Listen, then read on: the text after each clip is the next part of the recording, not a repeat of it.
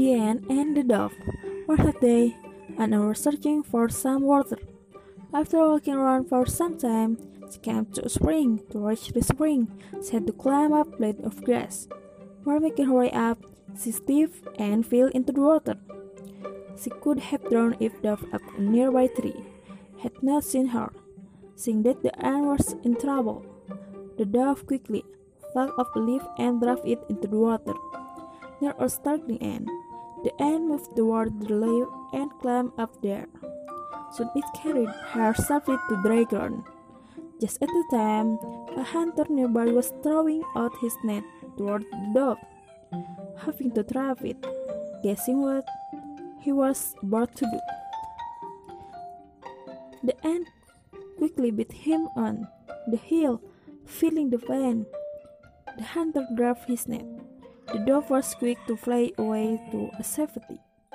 The moral of story one good turn deserves another.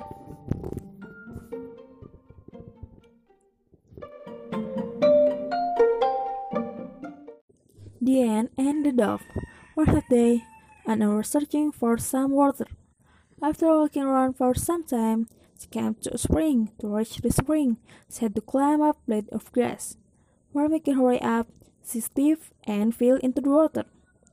She could have drowned if dove up a nearby tree had not seen her. Seeing that the ant was in trouble, the dove quickly plucked off a leaf and dropped it into the water. Near a startling ant, the ant moved toward the leaf and climbed up there. Soon it carried her safely to dry ground. Just at the time, a hunter nearby was throwing out his net toward the dove, having to trap it, guessing what he was about to do. The ant quickly beat him on the heel, feeling the pain. The hunter dropped his net. The dove was quick to fly away to a safety. The moral of story one good turn deserves another.